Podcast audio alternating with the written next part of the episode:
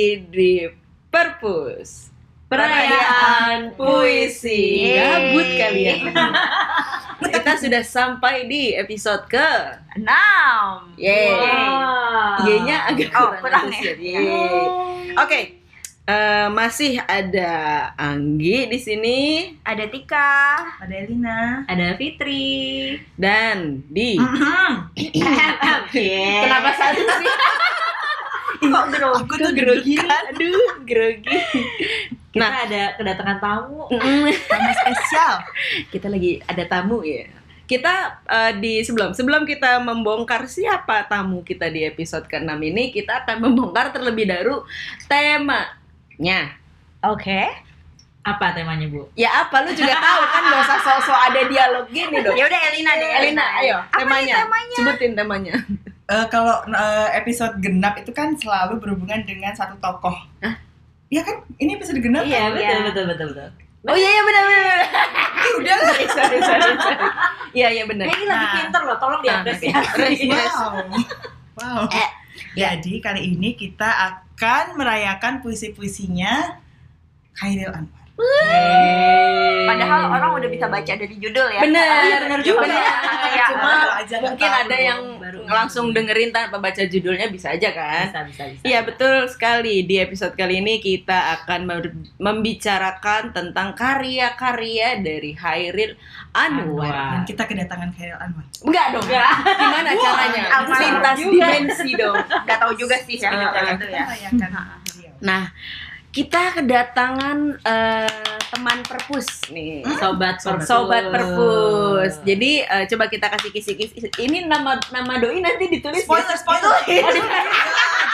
ya juga ya. Ya udahlah, nggak usah kita kalau nggak usah kita kasih clue-clue lagi kalau kita kita langsung Nursanti. Gimana Hai, teh? hai. Gimana kabar? Asik kayak warna radio gitu ya. Gimana Ah. teh kabarnya teh? Baik, baik, baik. baik, baik. Deg-degan soalnya Tasita kan mantan penyiar ya. Kita sementara gini gini kita bele belepetan banget. Suaranya kebanting. Oke, jadi pada penasaran dong kenapa Tesita yang kita panggil karena Tesita teman kita. ya. Bukan. Nggak. alasannya. Enggak, selain itu ya, selain itu alasan lainnya adalah Ya mungkin ada pendengar perpus yang nggak tahu bahwa Tesita ini pernah jadi salah satu perempuan Hairil. Cie. pemeran perempuan Hairil. Tua banget ya kalau Iya lumayan. Ayo. Nah, jadi eh, pad eh, Tesita ini menurut kita tuh cocok banget buat bintang tamu episode kali ini karena dia pernah membintangi eh, Membintang- membintangi memerankan, memerankan memerankan. tokoh Hafsah eh, dalam pertunjukan perempuan-perempuan Hairil yang eh, dipentaskan pada tahun 2017. Ya. Produksinya Titi Mangsa Ah, Foundation ya, Happy produksi Salma. itu dengan ya berbagai eh, pemain teater lainnya lah ya gitu. Ya sama Reza Rahardian, Uh, sama Tara Basro. Tara Basro, sama Iya. Marsha Timothy, Iya, sama Iya. Chelsea Islan ya. Yes. Ada juga Mbak Uung sih. Oh iya. Mbak Oh, iya. Uung. Terus satu lagi Mas siapa lupa. Ini bisa diedit nggak? Gak apa-apa, gak apa-apa. Nggak apa-apa, sama, Mbak. Oh. Ya udah. Oke. Oke.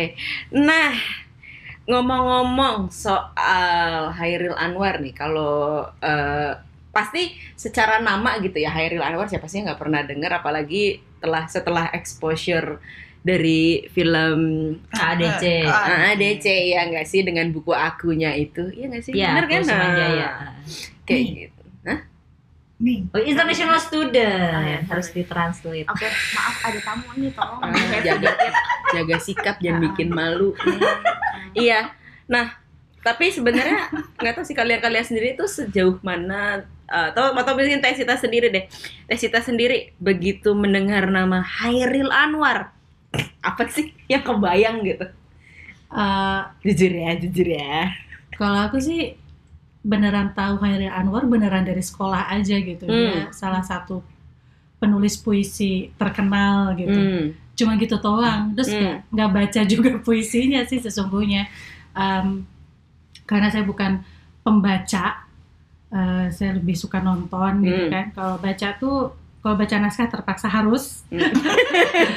atau lagi riset terpaksa harus gitu. Hmm. tapi sebagai eh, sehari-hari cuman baca gosip aja gitu. Jadi saya Sama nggak tahu Nah. Anwar gitu sesungguhnya.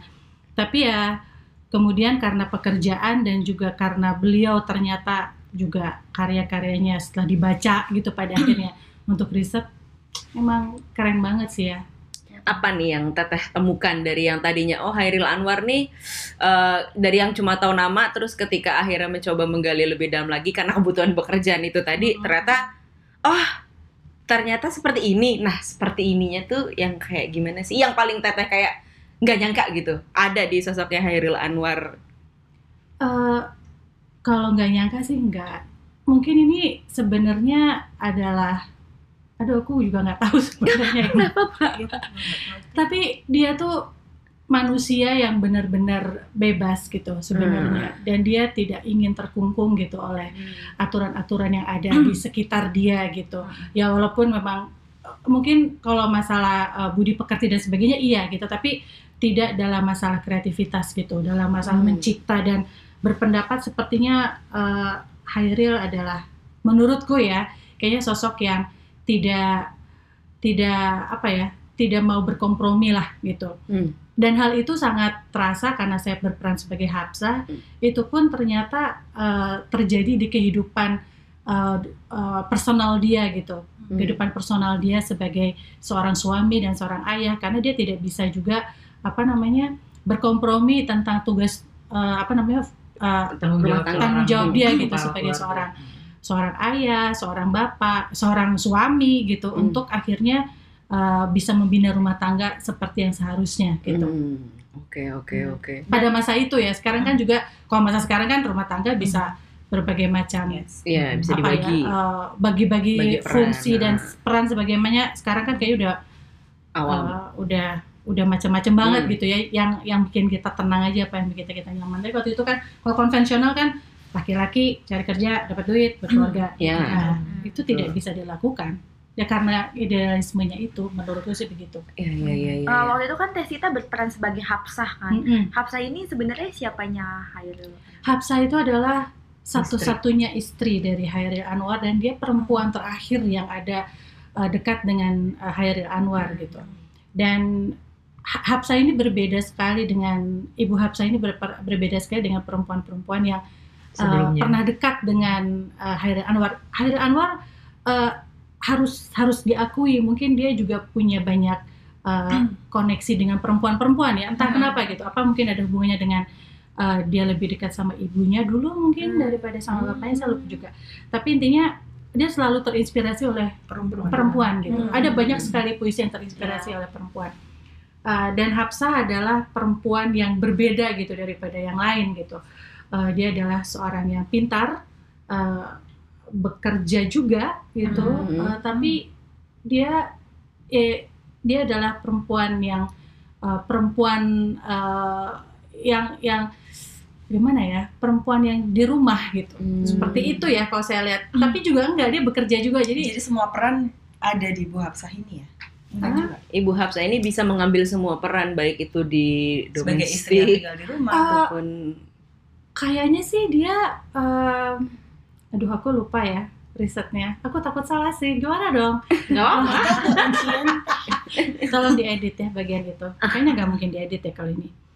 Em, ibu Hapsah itu saya melihatnya sih pada pada saat itu perannya sangat besar di bagian domestik sebenarnya. Hmm. Uh, dia sebagai ibu rumah tangga, uh, dia sebagai is- istri, dia sebagai perempuan juga tetap bekerja tapinya Hmm. bahwa dia juga punya punya hal itu gitu. Nah, tapi alasan kenapa kemudian beliau kemudian bekerja itu juga apakah karena Hairilnya juga Hmm. atau memang Hmm. sudah semodern itu gitu pada Ya. masa itu Hmm. bahwa perempuan dan laki-laki juga akhirnya chip in gitu Hmm. dalam kehidupan berkeluarga Hmm. dalam bekerja saya nggak tahu juga sih tapi yang jelas eh, saya sempat ngobrol sama ibu Eva anaknya ibu Hafsah sama uh, Anwar itu hmm, saya melihat jejak-jejak eh, kecerdasannya dan jejak-jejak juga Hmm. eh, tentu saja eh, keidealismeannya ya, Ya. ke idea apa dia kan sangat idealis gitu. Mhm. Itu itu terlihat sekali di Ibu Eva sih. Hmm. di hasil produknya ya Iya. Iya, iya. produk.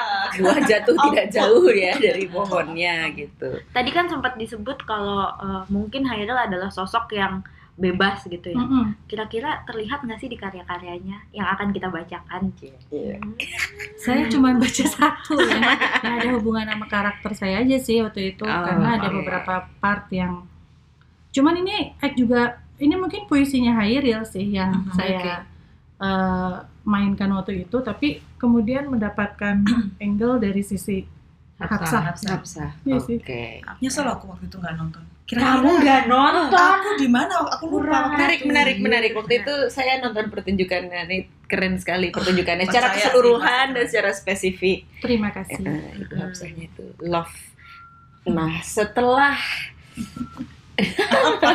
Setelah pembukaan dari Ya. eh, eh, Obrolan kita obrolan dengan kita Tesita. tadi dengan Tesita, Mhm. mungkin ada baiknya kita langsung membaca saja.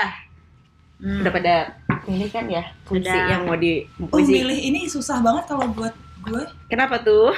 karena ini mungkin karena pengetahuanku yang tak seberapa itu ya. Jadi eh mencari puisinya Khairil Anwar itu baca satu kayak aduh nggak paham gue ini Iya iya iya iya iya. Terus Tapi gue scrolling, juga scrolling gitu. lagi ke bawah. Aduh ini apa nggak paham. Iya iya iya. iya. gue tadinya sampai mau nyerah loh sampai mau udah kita ganti tema aja tapi pas Tesita bilang mau Oke.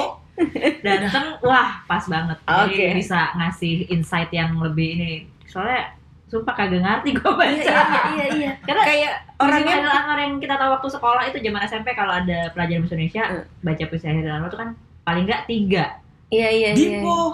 Dipo. Diponegoro, aku sama Kerawang Bekasi. Kerawang Bekasi. Yang lainnya yang soal cinta-cinta kagak tahu mungkin karena masih SMP kali ya jadi Ya. kagak di ini sama guru. Iya gitu. iya iya iya. SMP nggak Begitu tahu sekarang cinta-cinta ya? nyari terus kok begini bahasanya pusing Iya. saya. Oke. Kita mulai Terus- aja. Oh iya iya Bu maaf Bu. Ah. Iya iya. Ada timekeeper. Oh, sorry, sorry, sorry. Emang gini. banget. Ya udah, dari, dari siapa? siapa? Nih, Anda lah. gua. Ya, Yang gede. saya saya. Oke. puisi yang mau saya pilih eh puisi yang eh, berhasil gue temukan dan gue pahami dan ini ini sebenarnya udah lama sih gue menemukan puisi ini. Anyway gue bacain dulu aja ya. Eh, judulnya penerimaan. Kalau kau mau kuterima kau kembali dengan sepenuh hati. Aku masih tetap sendiri. Ku tahu kau bukan yang dulu lagi bak kembang sari sudah terbagi jangan tunduk tentang aku dengan berani. Kalau kau mau kuterima kembali, untukku sendiri tapi sedang dengan cermin aku enggan berbagi. Hmm. Sekian. Puisi yang sangat Leo ya. Tadi lu bilang puisi yang saat Aries, sekarang puisi yang... Tapi betul. Kenapa? Kalimat terakhirnya sih yang menarik gue Sama cermin aja enggan berbagi. begitulah jadi kayak aku nggak sih gue punya trust issue dengan cermin aja gitu gue Jadi kalau kamu bercermin kamu berbalik badan ya. terus puter palanya apa horor ya nggak nggak nggak tapi eh, nah gue tuh pertama kali ngeliat puisi ini tuh kalau nggak salah ya kalau nggak salah tuh waktu itu lagi ada pamerannya Melisa Sunjaya ya Hmm. ya Melisa Sunjaya yang Oh iya dia ada Ah. akunya, ada Hairil Anwar. Hmm, yang tentang Khairil itu Nah, itu salah satu karyanya dia adalah kalau nggak- atau atau gue lihat di mana ya di situ deh kalau nggak salah. Iya benar itu Iya. pameran dia biofantasi. Mm-mm, mm-mm. Nah, Iya, di situ di antara puisi-puisi Hairil yang tadi setelah kita eh, tadi udah sempat singgung sedikit yang eh, tanda kutip susah dimengerti, puisi ini tuh tergolong mudah, lebih mudah dipahami dan langsung kayak oh ya oke, langsung set gitu dapat. Biarpun, biarpun gue masih menemukan kesulitan di manakah gue harus memenggal kata yang enak untuk membaca Nah, puisi itu. Hairil. Feel-nya ya, maksudnya menggal kata itu kan Mm-mm, Apa ya? Iya. mm-mm, kayak dari, di dari penulisannya kadang dia terus eh, enter ke bawah gitu tapi terus kayak sebenarnya kalimatnya masih nyambung atau Iya. enggak gitu. Bener bener Atau kadang kayak harus harus dipenggal di tengah atau gimana? apakah harusnya ada koma gitu. Iya. Tapi tak ada. dia typo atau apa- nggak Kalau tahu waktu itu kan juga. pakai mesin ketik ya. Heeh. Jadi ketipu enggak. Iya iya iya iya iya. Iya gitu Ya, aja sih penerimaan. Dari sini juga kelihatan bagaimana ah, aduh, ini gue akan terdengar saat foto sih. Cuma gue cuma kayak sekeras itu ya kayaknya Hairil Orangnya. itu orangnya. Apakah Bukan apakah begitu, seperti itu? Ibu Hapsah? Maksudnya, oh, kalau di eh, waktu lakon teaternya perempuan-perempuan Hairil dari interaksi interaksi tokoh Hairil dengan tokoh-tokoh yang lain, apakah memang terlihat Hairil ini orangnya keras gitu? Eh, apa ya? Ada sisi ego yang tinggi kalau dari interaksi. Iyalah, Iya iya. kalau dia nggak ego tinggi nggak mungkin dia meninggalkan atau ya dia nggak mungkin uh, dia tidak mungkin melakukan itu kepada keluarganya gitu kalau menurutku walaupun pada akhir hidupnya memang kan setelah bercerai dengan Hafsah kemudian uh, di akhir hidupnya banget ini beneran asli Mhm. jadi uh, Hairil Anwar itu emang uh, bermaksud untuk memenangkan kembali Hafsah dan anaknya gitu Oh. jadi dia akhirnya memang mau kembali menikah dan mau berubah gitu pada akhirnya. Mhm. Tapi kemudian karena dia sudah terlalu sakit, dia Mhm. meninggal dunia sih. Hmm. Kalau nggak salah gitu ya, endingnya gitu. Hmm. Iya, gitu. Iya iya iya iya. Jadi jadi Enggak karena Jadi sendu. karena gue nggak nonton gitu ya, jadi terus diceritain endingnya gitu kayak yang ya gitu lo kehilangan sesuatu tapi iya. Yang menarik Ada- dari ke menurutku ya, Heeh. kayaknya dari ke apa namanya kekuatan dirinya untuk keakuannya Mhm. itu gitu. Kan dia begitu, Iya, aku sekali gitu Mm, di, mm, di mm, antara mm, kita kita kita gitu Hmm. dia sangat aku gitu Mhm. nah eh, dia mungkin akan menjadi seorang penulis puisi besar gitu dia sastrawan tokoh sastrawan besar gitu tapi dalam kehidupan pribadinya menurutku kemudian dia menjadi kesepian gitu. Dia Hmm. dia menjadi Iya. eh, ini ada soalnya di satu eh, aduh ini nggak nggak apa-apa ya? Nggak apa-apa, karena ada satu puisi yang ditulis untuk Khairil Anwar gitu untuk Hafsah yang belum selesai. Mm-mm. tulisannya adalah begini. H aku berada di kamarku sendiri. Terasa sendiri dengan bukuku dengan buku-bukuku lagi. Ketika sebelum kawin dengan kau. Nah menurutku dia menulis ini aja gitu di saat dia sudah menikah kan ada sebuah ruang sendiri Iya, gitu iya, dia yang iya, nggak iya, nggak iya. connect gitu loh sama orang lain Iya. karena keakuannya Iya, tapi iya. kemudian dia akhirnya teralienasi dari Iya. kehidupan Kehidupan secara dan ruang itu iya, nggak gitu. kemungkinan nggak akan pernah bisa terisi Iya. tetap aja iya nggak sih ruang itu memang tetap kosong meskipun berusaha untuk diisi segala macam tapi mungkin ya memang di sana untuk tidak diisi oh mari kita kita lanjut oke Oke, ke Oke, lanjut puisi dulu. kedua dulu ya. Makasih. Tapi Aduh, tadi maaf, maaf, enggak enggak enggak enggak, enggak. bukan aku bukan banget bukan bukan. info itu gitu. Iya iya iya. akhirnya perpus ini agak berfaedah ya. Iya. Berarti emang selama ini ini adalah episode yang yang paling bermutu Wow. sejauh ini ada kontennya. Oke, tapi oke kita lanjut. dulu ke eh, puisi kedua. Lanjutnya Next. kita punya eh, Tika. Oke, eh, ini sebenarnya eh, menarik sih sama yang tadi Tesita bilang tentang keakuannya seorang Hairil Anwar gitu dan menurut gue itu tergambar di puisi yang ini. Oke ya, langsung aja. Eh, judulnya Tak Sepadan. Tak sepadan.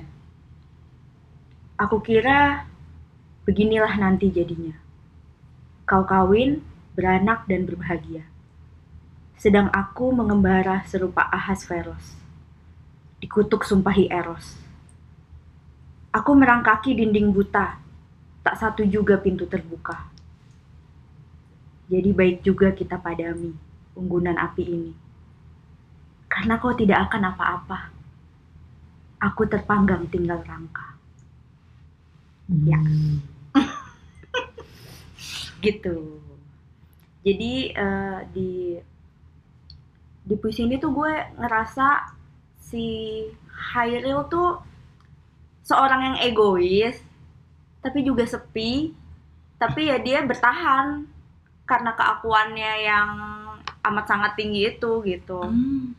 ya nggak sih karena ya. kayak dia eh, kalau di puisi ini kayaknya dia mau mengakhiri hubungan dengan seseorang yang dia tahu dia tuh akan terluka juga gitu tapi ya memang inilah jalan jalan ninja gue gitu Jalan India gue. Jalan gue Jalan. akan sendiri dan Oke, netizen. terus berpetualang gitu kan dia kan sempat nyebut Ahasveros ya kalau nggak itu salah apa itu Hesperus itu? itu tokoh di mitologi Yunani ya dia tuh Mhm. kayak ya memang eh, satria yang berpetualang gitu takdirnya dia adalah untuk Lone Ranger, Lone Iya. Ranger. Hmm. Lone Ranger Tadi gue mau milih puisi itu cuma karena gue kagak ngerti itu siapa.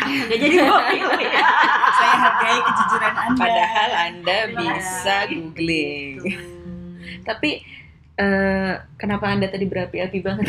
Saya boleh tahu jelasin puisi. oh siapa Kayak, ini hubungannya jadi bisa dipaksakan. oh iya gitu karena ya memang eh waktu masa muda dulu banyak sekali laki-laki yang seperti ini Oh. gitu yang yang pribadi ah ya. begitulah Hairil adalah mereka. itu adalah mereka yang merasa kita. Hairil ya, adalah kita ya, ya Hairil. aku cinta tapi aku tidak ingin bersama mengapa karena aku sangat aku begitu Hey, emang kenapa kalau kayak gitu? ya entah Jangan kenapa semua ngegas ya? Santai sih. Gas ya, ya, ya, ya, ya.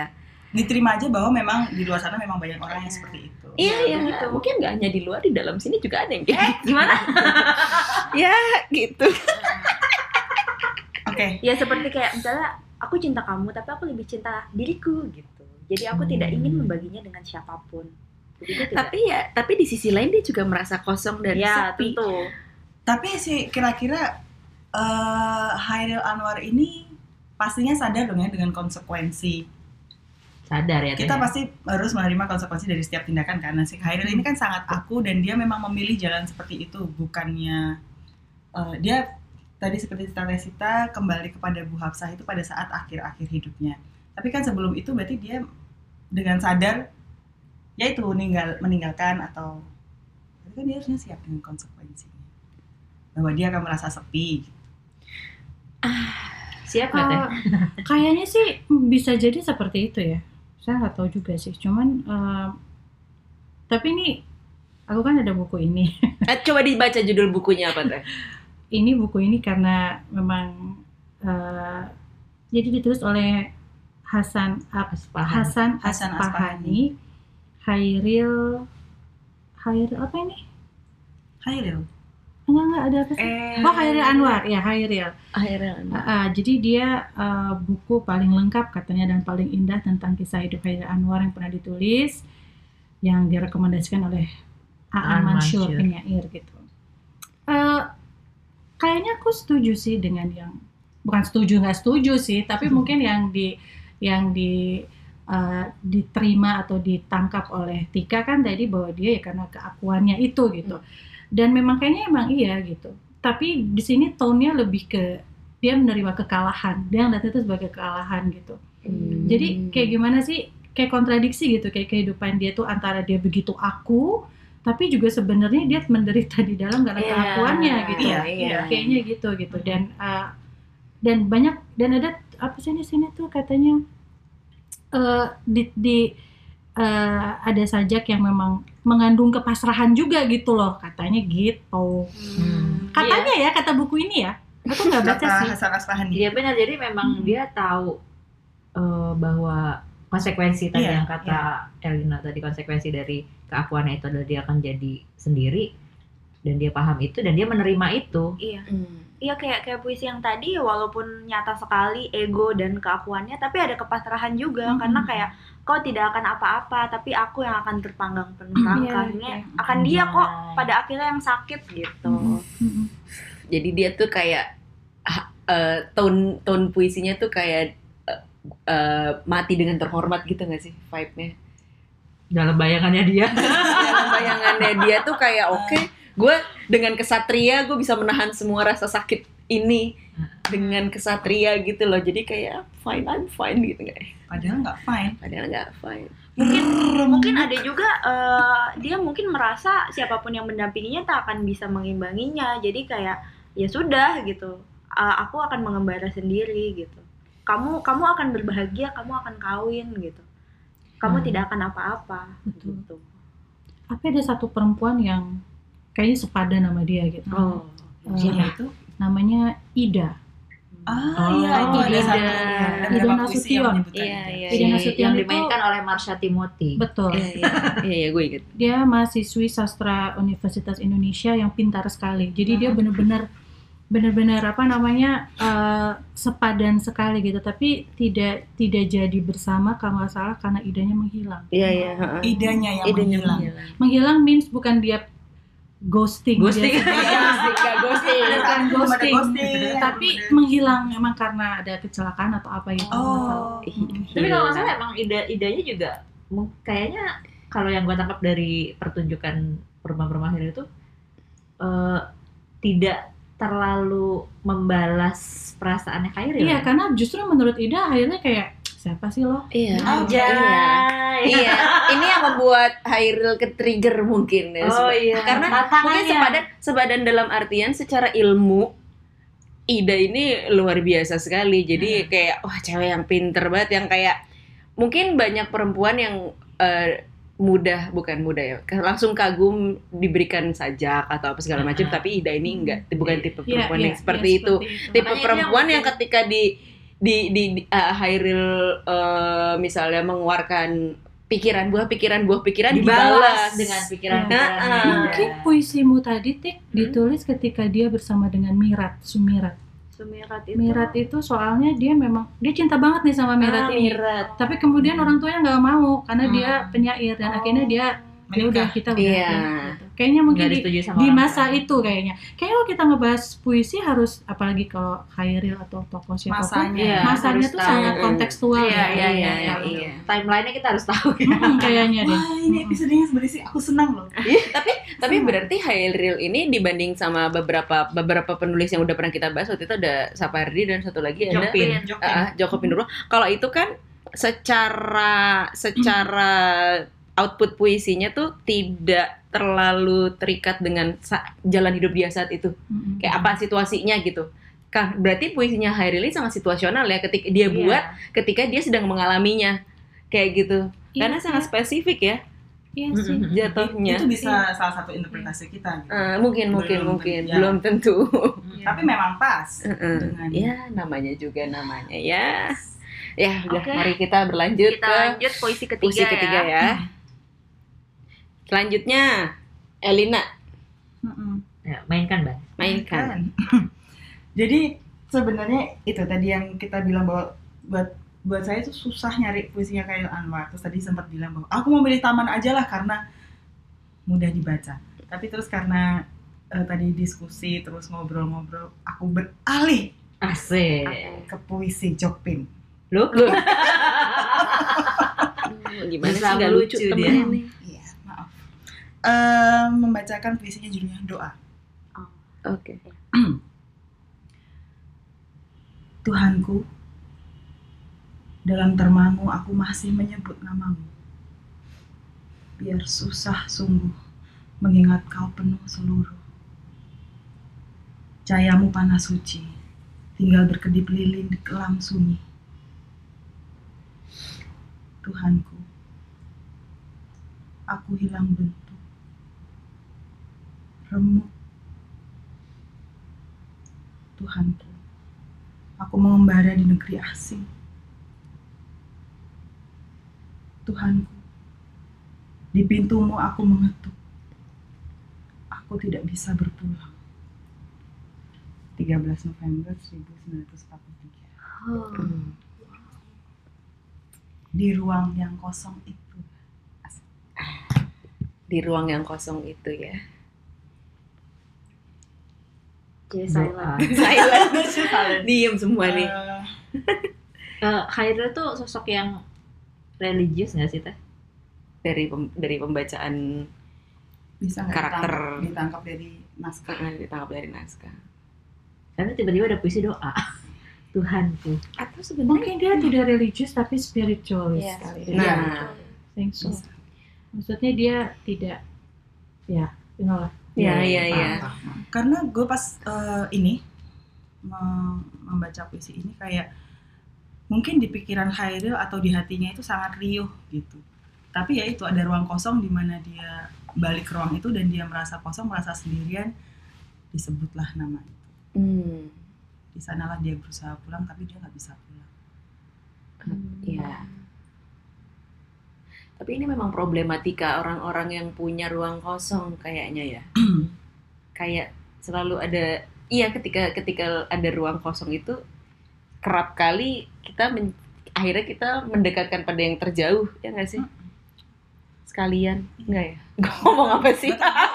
Tapi ngelamun. Anwar itu di, dari luar terlihat utuh tapi di dalamnya tidak kukuh Oh, iya. asik Anjay. remuk gitu di Kayaknya dalamnya gitu rumpang, Rumpang, gitu ya. rumpang. Dalam perumpang dan mungkin itu bisa diperlihatkan atau dia terbuka kepada eh, orang yang membuat dia nyaman mungkin ibu Hafsah yang Iya. akhirnya dipilih menjadi istrinya meskipun eh, secara eh, apa secara Storyline. bukan secara tadi dibilang bahwa yang cocok selevel. secara ini adalah Ya, ya, ya, ya, Ida ya, gitu. ya. Benar-benar bisa jadi sih. bisa jadi bisa, Bisa jadi, namanya juga iya, interpretasi. Bebas. Oke, doa ya. Apa doa tadi judul? Doa. Gue pertama kali baca puisi ini waktu SD tau gak sih? oh wah Enggak kan ada Oh, iya. di, di buku Ada, bahasa ada, ada. Indonesia. Ada ini ada tadi. Ada. Tapi gue lupa judulnya. Kalau itu judulnya doa tadi pas lo baca gue kayak oh oh Pernah iya dengar. pernah, Ya, pernah dengar pernah pernah ingat Mm-mm. kayak gitu. Tapi memang karena kita dulu gitu waktu masih SD interpretasi kalau oh doa itu berarti lu orang yang religius Ah, ah. gitu kan. Padahal enggak juga. membacanya dengan Tuhanku Iya. Iya. Iya. Kerawang bekas. Iya iya tapi benar tapi benar. Kalau aku selalu ngeliat kayak gini ya, manusia tuh di mana-mana pasti akan mengalami berbagai macam fase dalam hidup gitu. Betul. Hmm. Eh, aku lebih melihatnya dia menulis itu mungkin di saat dia menulis itu dia di saat itu dia mungkin menyadari bahwa dia sudah tidak berdaya sama sekali dengan kehidupannya mungkin sehingga dia kalau tadi ditanya apakah dia religius atau enggak aku sih selalu merasa bahwa dia punya konsep ada kekuatan lebih besar dari dia Iya. gitu Hmm. itu Hmm. dan dan di Hmm. saat itu uh, setiap manusia pada di satu titik hidupnya menurutku dia perlu perlu ada cengkraman gitu hmm. mencengkram ke bumi selalu gitu Hmm. Uh, dan itu tadi seperti yang dibilang ketika lo ingin mencengkram di bumi lo cari yang paling jauh mungkin Hmm. seperti itu ya yang yang paling jelas ya ke- ada kekuatan yang lebih besar dari Hmm. gue nih gitu. Hmm. kayak kayak semacam itu. Iya. ya nggak sih? Iya, Iya iya, benar tapi benar. kalau masalah rumpang semuanya menurutku Iya. manusia punya kerumpangan itu gitu. Iya, punya punya sisi-sisi kosong. Masalahnya pakai dia mengekspresikannya dalam bentuk karya atau kemudian dia stres sendiri nggak tahu how to express gitu. The itu. Dan kebe- beruntungnya kita manusia-manusia yang hidup di usia sekarang gitu. Kita punya Hairil Anwar yang menuliskan kerumpangannya dalam Iya. bentuk puisi sih jadi Iya. kita bisa melihat oh manusia tuh ternyata dari dulu sampai Iya, sekarang sama aja sama gitu aja. Hmm, benar-benar. Ada dan gak ada sosmed sama aja manusia tuh rumpang-rumpang Mm-mm. juga. Dan di puisi ini tuh kelihatan banget Hairil tuh kecil gitu. Iya. aku hilang bentuk. Iya. ya Apa yang terakhir? Apalagi yang terakhir Di pintumu aku mengetuk, aku tidak bisa Nah. berpulang. yang itu. Tidak bisa berpulang. Iya, kecil banget ya. Iya, Iya. kecil banget. Kontras banget sama dua puisi Benar, yang yang kayaknya kita baca tadi. Kayaknya aku mau sendiri. aku mau sendiri, nggak ada yang sepadan, bla bla bla bla. aku Eh, hilang bentuk. ternyata. Ternyata Hairil Ah, adalah manusia. juga. Hairil adalah kita sekarang. Oh, iya. Hairil iya, adalah iya. kita semua. Oke. Selanjutnya kita ke puisi Puisi keempat. keempat. Judulnya adalah oh Fitri Fitri yang akan baca. Nah, gue gue akan membacakan puisi Hairil Anwar yang berjudul Hampa Oke. kepada Sri. Sepi di luar. Sepi menekan mendesak. Lurus kaku pohonan. Tak bergerak sampai ke puncak. Sepi memagut. Tak satu kuasa melepas renggut. Segala menanti, menanti, menanti, sepi. Tambah ini menanti jadi mencekik, memberat mencekung pundak. sampai binasa segala. Belum apa-apa, udara bertubah. Setan bertempik. Ini sepi terus ada. Dan menanti. Gitu. Sepi lagi ya. Sepi. Sepi lagi. Dalam penantian itu dia ngerasa hampa atau bagaimana yang kamu? Ah, bagaimana? Apa yang lo tangkap? Eh, pertama yang menarik buat gue tuh di ini ada ditulis kepada Sri kita tahu Sri Ayati ya Mm-mm. Sri Ayati yang dimainkan oleh Chelsea Iya. Eh, Chelsea, Chelsea jadi Chelsea siapa? Dijelasin. Dia siapa Sri? Sri? Sri ini ya salah satu Perempuan. perempuan Ya Perempuan-perempuan aja. yang kalau digambarkan dari pementasan itu gue ngelihatnya Sri ini eh, cewek yang girly banget terus yang kayaknya eh, cantik eh, idaman para pria-pria gitu dan mungkin salah satunya eh, Hairil juga pernah mendekati mencoba mendekati si Sri ini gitu ya Penyiar radio bukan sih? Eh, penyiar radio. Lupa.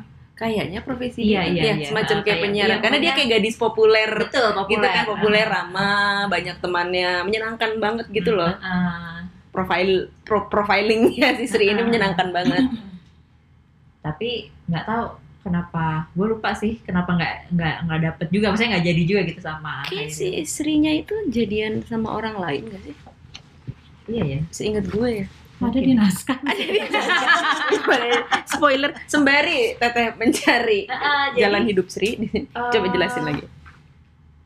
kenapa di sini eh, si Hairil menuliskan puisi hampa ini untuk Sri apakah ini adalah eh, perasaan hampanya Hairil yang diproyeksikan kepada Sri Hmm. atau justru dia menulis ini untuk menggambarkan kehampaan Sri dalam hidupnya.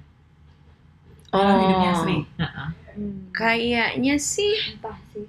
ya bisa bisa bisa dua-duanya. dua-duanya ya. Tapi melihat Hairil orangnya sangat aku, mungkin mungkin mungkin itu lebih ke Hairilnya itu sendiri ya nggak sih?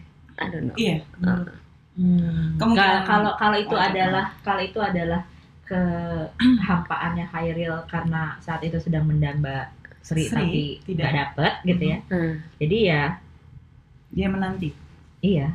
Tapi ya itu mungkin juga sih Fit. Soalnya dari di puisi itu jelas tertulis kepada Sri gitu. Hmm. Jadi seakan-akan eh, memang bukan perasaan yang dia rasakan karena tidak mendapatkan Sri, tapi ya Sri inilah hidupmu gitu. Bisa jadi. Bisa jadi. Bisa Ah. jadi. Hmm. Tapi justru itu asiknya ya, nggak perlu ditetapkan bahwa oh Iya. Iya, benar. bebas ya interpretasi bebas bebas. Iya iya iya iya iya. Menarik ya.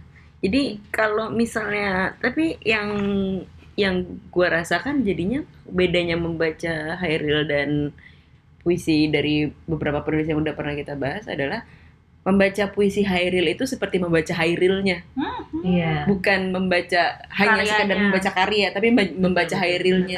Iya nggak sih? Yang yang yang kerasa tuh jadinya gitu kalau misalnya kita baca kayak dua episode lalu kita pernah ngomongin Pasapadi, kita ngomongin karya-karya. Jokpin itu yang kita baca dan nikmati adalah kita menikmati keindahan puisi. Kita membaca itu sebagai satu kesatuan puisi gitu. Tapi kalau ketika membaca karya Hairil, kita bukan hanya membaca karya, namun juga membaca Hairilnya. Membaca Jadi orang, secara ya. kita membaca, secara kita lah jadi kenal. Dan itu tanpa sengaja sih. Dan itu tanpa tidak sengaja, ya. dimaksudkan untuk membaca Khairil. Ah, tapi ah, tidak tidak dimaksudkan, Hmm. tapi jadi Ternyata kayak begitu. jadi kayak kalau kalau gue sendiri yang gue gua tangkep ya gitu gue sendiri nang- nangkapnya adalah cara paling mudah dan paling benar mengenal Hairil adalah mungkin melalui karyanya gitu karena dia sudah se seterbuka itu ketik eh, tentang dirinya ketika dia menulis karya ya nggak sih Iya sih, menurutku begitu ya. Kayaknya sebenarnya in a way setiap orang yang menghasilkan karya gitu, pasti karya itu adalah dia gitu. Hmm. Iya. Dan karya itu adalah kita juga gitu. Artinya dia hanya seperti corong saja gitu Hmm. yang ah, apa sih istilah kok corong apa Hmm. sih istilahnya kayak Iya benar, dia corong. kayak hanya menangkap gitu apa yang terjadi dalam kehidupan yang terjadi pada Hmm. dia Hmm. yang sebenarnya dirasain sama orang lain juga gitu Iya, ya tadi kan Anggi juga bilang Hmm. ternyata Hairil juga kita gitu Hmm. ya emang Iya. iya sih gitu Iya. Semua. kebetulan dia pintar pintar menuliskannya Iya. gitu Hmm, hmm, hmm, hmm. Kalau kita men- dipendam aja di kamar mandi. Iya. Emang berani karena kita aja nggak tahu ya. aja eh, tidak bisa me- me- Tidak bisa mendeskripsikan Iya. ini apa sih yang lagi gue rasain gitu. Iya, iya, iya. Dan saat membaca, oh ini. Oh ini tuh yang gue rasain. Hairil sudah menuliskannya. Tapi gue jadi penasaran. Kan sebenarnya ya itu tadi kita udah sempet obrolin bahwa sebenarnya waktu aktifnya Hairil Anwar sebagai Penulis. sastrawan ya, sebagai penulis itu kan tidak tidak lama ya. Maksudnya tidak panjang gitu. Mm. Kayak dari awal dia umur 20-an sampai dia meninggal di usia 27. Mm-mm. Namun apa yang membuat Hairil ini jadi fenomenal sebenarnya? Apa sih gitu? Gue juga gue sedang bertanya karena gue juga kayak, gebrakannya kayaknya sih. waktu itu tuh gue di, di di pementasan itu ada cuma gue kayak agak lupa gitu inget sih Teh? Kayak kenapa Hairil tuh bisa bukan kan karena fenomenal.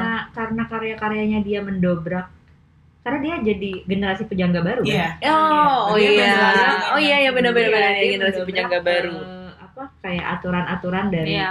Sastra lama. Iya. dia menulis berbeda Ah, gitu, iya iya dia iya kayak iya benar-benar. Gue ya, Itu yang menimbulkan era baru ya. betul. Iya iya iya gue inget gue inget iya dia dan aduh rekanan rekanannya itu kan. Yang menarik adalah karena dia malah menjadi dirinya gitu loh. Iya. oh iya betul betul. Iya kan? dia menjadi dirinya kemudian dia tidak berusaha juga mendobrak tapi mungkin karena dirinya yang memang tidak suka dengan kemapanan itu gitu Mm-mm. akhirnya dia tidak mendobrak. memaksudkan untuk mendobrak tapi jadi memang mendobrak gitu. itulah dia gitu Heeh, gitu. Jujur aja sih sebenarnya. Iya, hadirnya dia adalah Jujur. suatu jujur aja. gebrakan untuk sastra. Hadirnya dia Sastra sebagai Indonesia. seorang Hairil ya. Iya. Yang mati Lagi, yang mana tidak ada maksud. Oh, berarti ya sudah it just meant to be Hmm. a legend. Asik. Ya, Eh, jadi kalau mau jadi legend harus jujur aja sih sama Jujur. Benar. Betul. Setiap karya harus jujur nggak sih? Iya. Tapi iya Iya sih, kan, karena bener susah kan? karena karena banyak eh, banyak gak tahu ya sebagai orang yang mungkin membuat karya apa pun itu yang sulit dihindari adalah keinginan untuk selalu berusaha bagus. Jangan pengen keren. Pretensius Pretensius. gitu loh. Heeh.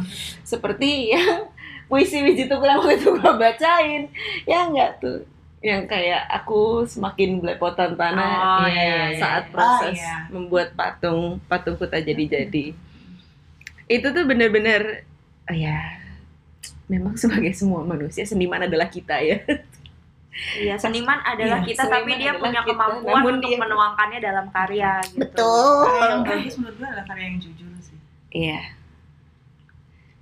Oke, selanjutnya Inilah, Inilah inilah. ya. Enggak, enggak, jangan gondong. Oh jangan Oh, gong, drop, drop. drop. ini drama. Suling. Suling kita sudah sampai nggak nggak belum kita belum sampai masih ada satu lagi yaitu Tesita Ya, apa yang hendak dipersembahkan itu Asik. Dirayakan. ya dirayakan eh, sekali lagi karena aku sebenarnya kan nggak seperti kalian pinter banget gitu wow, ya. Aku nggak pernah baca. Jadi aku Dari aku seumur aku yang 17 tahun ini baru kali ini ada yang bilang Oh, gitu. 17 tahun oke gimana Teh? Eh, aku soalnya baru bacanya gara kita tadi seperti aku bilang karena ada kerjaan dan sebagainya. Ada ada satu ini ada satu bagian monolog akhir dari Hapsah yang aku mainkan ketika 2017 yang lalu yang itu Hmm. aja mau aku bacain ya karena ada bagian puisinya Hairi Anwar yang ditulis di sini Oke. di, di dialognya judulnya situasi sebenarnya Mhm. Oke. Barangkali selamanya aku hanya akan menjadi perempuan biasa yang jadi istrinya.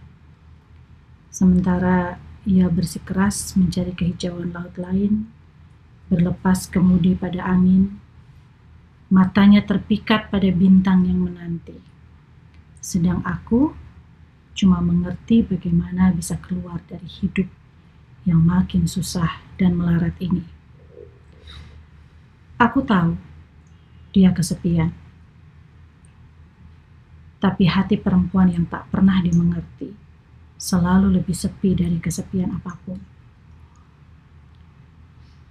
Kenapa dia tak juga mau mengerti dunia yang kuimpikan? dunia yang kecil saja, rumah yang bersih dan tenang. Kenapa mimpi sekecil itu saja begitu sulit dimengerti? Oke, iya, Karena hati perempuan yang tidak dimengerti lebih sepi. Lebih Selalu sepi lebih sepi dari kesepian kesepian apa pun. Yang menarik adalah kan karena Ini siapa yang nulis naskahnya tuh? eh, Hasan Aspahani juga ya? Ada? bukan bukan yang pas bagian aku ini Kang Ahda Imran. Oh, ada Oh. Imran. Iya, iya, iya. yang bagian ini karena dia orang Sunda, sendiri. karena dia Iya. orang Sunda juga gitu. Yang menarik adalah kan ini tuh puisinya ya menurutku nggak apa-apa ya aku. nggak apa-apa. Yang menurutku menarik adalah ini kan puisinya Hairil. Hairil Anwar Heeh. yang judulnya Oh, situasi yang sebenarnya dimulai dengan kata-kata tidak perempuan yang hidup dalam diri masih lincah mengelak dari pelukanmu gemas gelap bersikeras mencari kehijauan laut lain dan berada lagi di kapal dulu bertemu berlepas kemudi pada angin mata terpikat pada bintang yang menanti sesuatu yang mengepak kembali menandungkan Taipo dan rahasia laut Ambon begitulah perempuan hanya satu hanya suatu garis kabur bisa dituliskan dengan pelarian kebuntuan senyuman Cirebon 1946 Hairil Anwar. Aku nggak ngerti sih kalau puisi yang ini, cuman yang menarik ini puisi Hairil tentang perempuan kan? Iya, menurut Iya. Mm. Tapi kemudian yang menarik adalah ternyata itu kontekstual untuk Hafsah gitu kayak Hmm. Iya. Iya, iya, iya. Aku sama aku- Mas Ahda diambil sebagian dari puisi itu Dan kemudian dijadikan Iya. Mm-mm. uh, sebagai monolognya Hafs- Mm. Hafsah ya. Wow. Tadi waktu Tasita bacain puisi yang eh, asli, ya, Situasi situasi. eh, nggak tahu ya, aku mikirnya adalah meskipun Hairil Anwar ini banyak sekali perempuan-perempuan dalam hidupnya Hairil Anwar, tapi dia tetap dia sebenarnya nggak ngerti ada hal-hal yang tetap dia tidak mengerti tentang perempuan. Oh iya. Oh. Kayak Iya, tetap ada yang samar, tetap ada yang Iya. kalimat-kalimat iya, yang iya. buram. yang Makanya dia mereka- dia terus makanya makanya itu dia selalu terus mencari nggak? Enggak tahu. nggak Nggak tahu, tahu, nggak tahu, nggak tahu, nggak tahu. Itu itu pertanyaan gua makanya. Oh. Iya nggak sih karena selalu ada sisi mena sisi yang tidak tidak per- yang tidak terungkap dari perempuan. Jadi dia penasaran. jadi ini penas bukan penasaran. Sebenarnya ini juga pertanyaan aku ya. Iya, iya. ada apa dengan Hairil Anwar dan perempuan-perempuan gitu? Karena dia begitu dekat dengan perempuan gitu kayaknya. Ya nggak sih? Iya. Puisinya banyak yang terinspirasi Betul, oleh betul. perempuan, tentang dia dan perempuan, tentang perempuan itu sendiri, Hmm, tentang bagaimana dia melihat perempuan atau Iya, apa pun lah gitu. iya. Sangat dekat ternyata dengan perempuan gitu ya dalam ide di kepalanya gitu. Aku nggak tahu apa sih yang menyebabkan menurut apa ya gitu ya sebenarnya ya yang yang yang dia jadi Kenapa bisa inspirasinya itu terpusat perempuan, gitu. Perempuan. Inspirasi dan kehidupannya juga Inspirasi dan Iya gitu. Hmm. Kayak kayak mencari sesuatu tapi nggak pernah nemu. Nah, iya. Hmm. Iya kan? Mungkin. atau mungkin yang datang memang tidak yang dicari.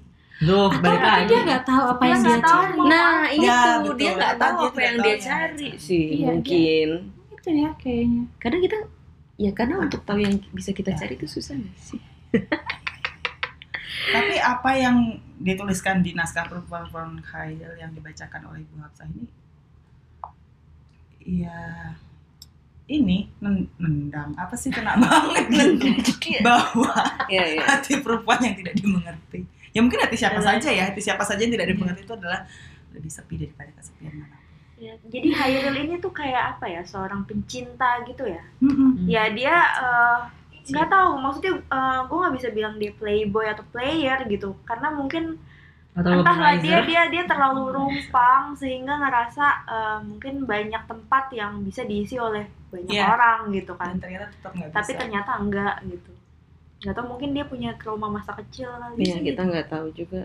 Gak ada apa gua, tiba gua sedih gitu. Kenapa berat sekali nadanya? Nggak tahu juga. nggak tahu Tapi oke, dari udah ada lima, ya Lima. berarti. Wah, udah, udah ada lima tentang Hairil Anwar.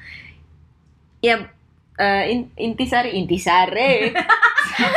Kayak majalah ya. Eh, Oke, jadi apa yang bisa kita dapatkan dari diskusi Hairil Anwar di podcast podcast spesial Hairil Anwar ini Oh. mungkin? Kalau gue ngerasa apa ya mendapat gambaran yang lebih terang sedikit ya. Karena sedikit aja sih. Karena kita nggak pernah tahu dia sebenarnya kayak apa.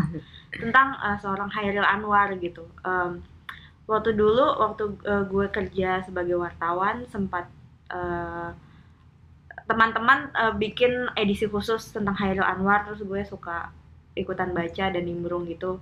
Hmm. Eh, dari situ tuh gue ngerasa dia adalah sosok yang memang akunya besar gitu Hmm. hanya hanya hanya seperti itu Hmm. lagian kan di eh, edisi khusus itu lebih banyak menyorot tentang perjuangannya dia kan Hmm. nah kalau ini lebih ke pribadi dan ternyata ya dia orang yang sangat rapuh perumpang dan ya gitu sering merasa sepi Hmm. gitu Iya sih. Ada yang lain ada yang mau nambahin? Nggak? Dari Teteh mungkin? Enggak sih. Iya, udah. Mungkin Fitri ada yang mau ditambahin? Tika enggak mau nanya teh waktu berperan sebagai Hafsah gitu eh, tapi tadi kan nggak ngerti kenapa Hairil memilih Hafsah Mm-mm. tapi kenapa Hafsah bisa mencintai Hairil Hmm. Hmm. Hmm. Iya. Tapi Hafsah cinta sama Hairil. Iyalah. Mungkin enggak. Cinta yang rumit mungkin. Enggak sih. Enggak juga, cinta yang sederhana. Ya justru karena cinta yang sederhana itu. Ya mungkin ya. Karena dia Hairil. Wah, karena dia pintar, karena dia eh, suka merayu dia hmm. dengan puisi-puisinya. Di situ aku melihat sekali sosok Ibu Hafsah sebagai perempuan biasa yang sangat senang kalau misalnya ada laki-laki yang merayu gitu. Siapa sih yang nggak senang ya Hmm. siapa pun Betul. gitu. Dan dan dan itu eh, dia dia jatuh cinta akan akan hal-hal itu, Hmm. kemudian juga akan pokoknya karena dia Hairil gitu, karena dia seorang yang pintar dan emang Hairil Anwar gitu Hmm. yang dia tahu pada saat itu ya yang dia tidak tahu kalau sudah menjadi suami Suaminya. dan yang lainnya gitu itu sih kalau menurutku Karena dia Hairil. kan dia Hairil Wah, Wah, oke. mungkin ya mungkin aku juga nggak Iya, tahu iya, betul, betul. itu indah ya dicintai karena Karena apa adanya. Karena ya karena dia aja gitu. Iya, iya. kayak langsung Oke. Kayaknya eh, sudah cukup panjang ya pembahasan Episode kita kali ini ha, soal Hairil dan di episode eh, podcast podcast perpus kita yang ke-6 ini. Terima kasih sebelumnya Terima untuk kasih ternyata. banyak. terima kasih terima kasih sudah diajak di sini semoga bermanfaat ya Oh, Iya, sangat. Teh. mohon maaf kalau ada salah-salah kata Iya. Mungkin lain kali kita bisa eh, bahas puisinya Suhoki, terus Tasita bisa datang lagi. Misalkan hokinya. Eh, itu mau anda kan?